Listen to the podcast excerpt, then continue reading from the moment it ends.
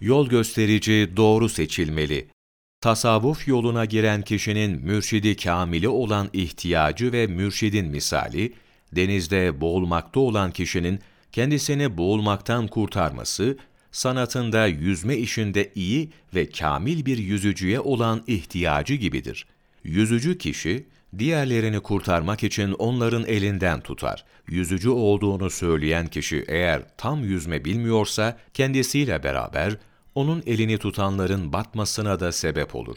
Böylece müritlerinin hepsi helak olup giderler. Günümüzde mürid olmayan kişiler şeyhlik iddia etmeye başladı. Cahil ve dalalet üzere olan kişiler şeyhliğini haber vermektedir. Cehalet ve dalaletinden dolayı cahil şeyhler isimlerinin anılmasını, şöhretlerinin yayılmasını, müritlerinin çok olmasını isterler. Bu yolda makam, mevki, kabul ve rant elde etmek için gayret ederler. Bu kimseler, bu büyük işi yani irşat makamını ve bu büyük övgüye layık olan velayet makamını ve şeyhliğini çocukların oyuncağı, şeytanın maskaralığı ve güleceği şey haline getirdiler. Hatta şeyhlik makamına miras yoluyla oturmaya başladılar. Onlardan biri öldüğü zaman o şeyhin oğlunu hemen onun makamına oturtuyorlar. Şeyhin oğlu ister büyük ve isterse küçük olsun. Şeyhliği baba ve dededen alanların tarikatları gerçekten tamam olmuş, nuru sönmüş ve kesilmiştir. Şeyhlik makamı maddi bir makam değildir.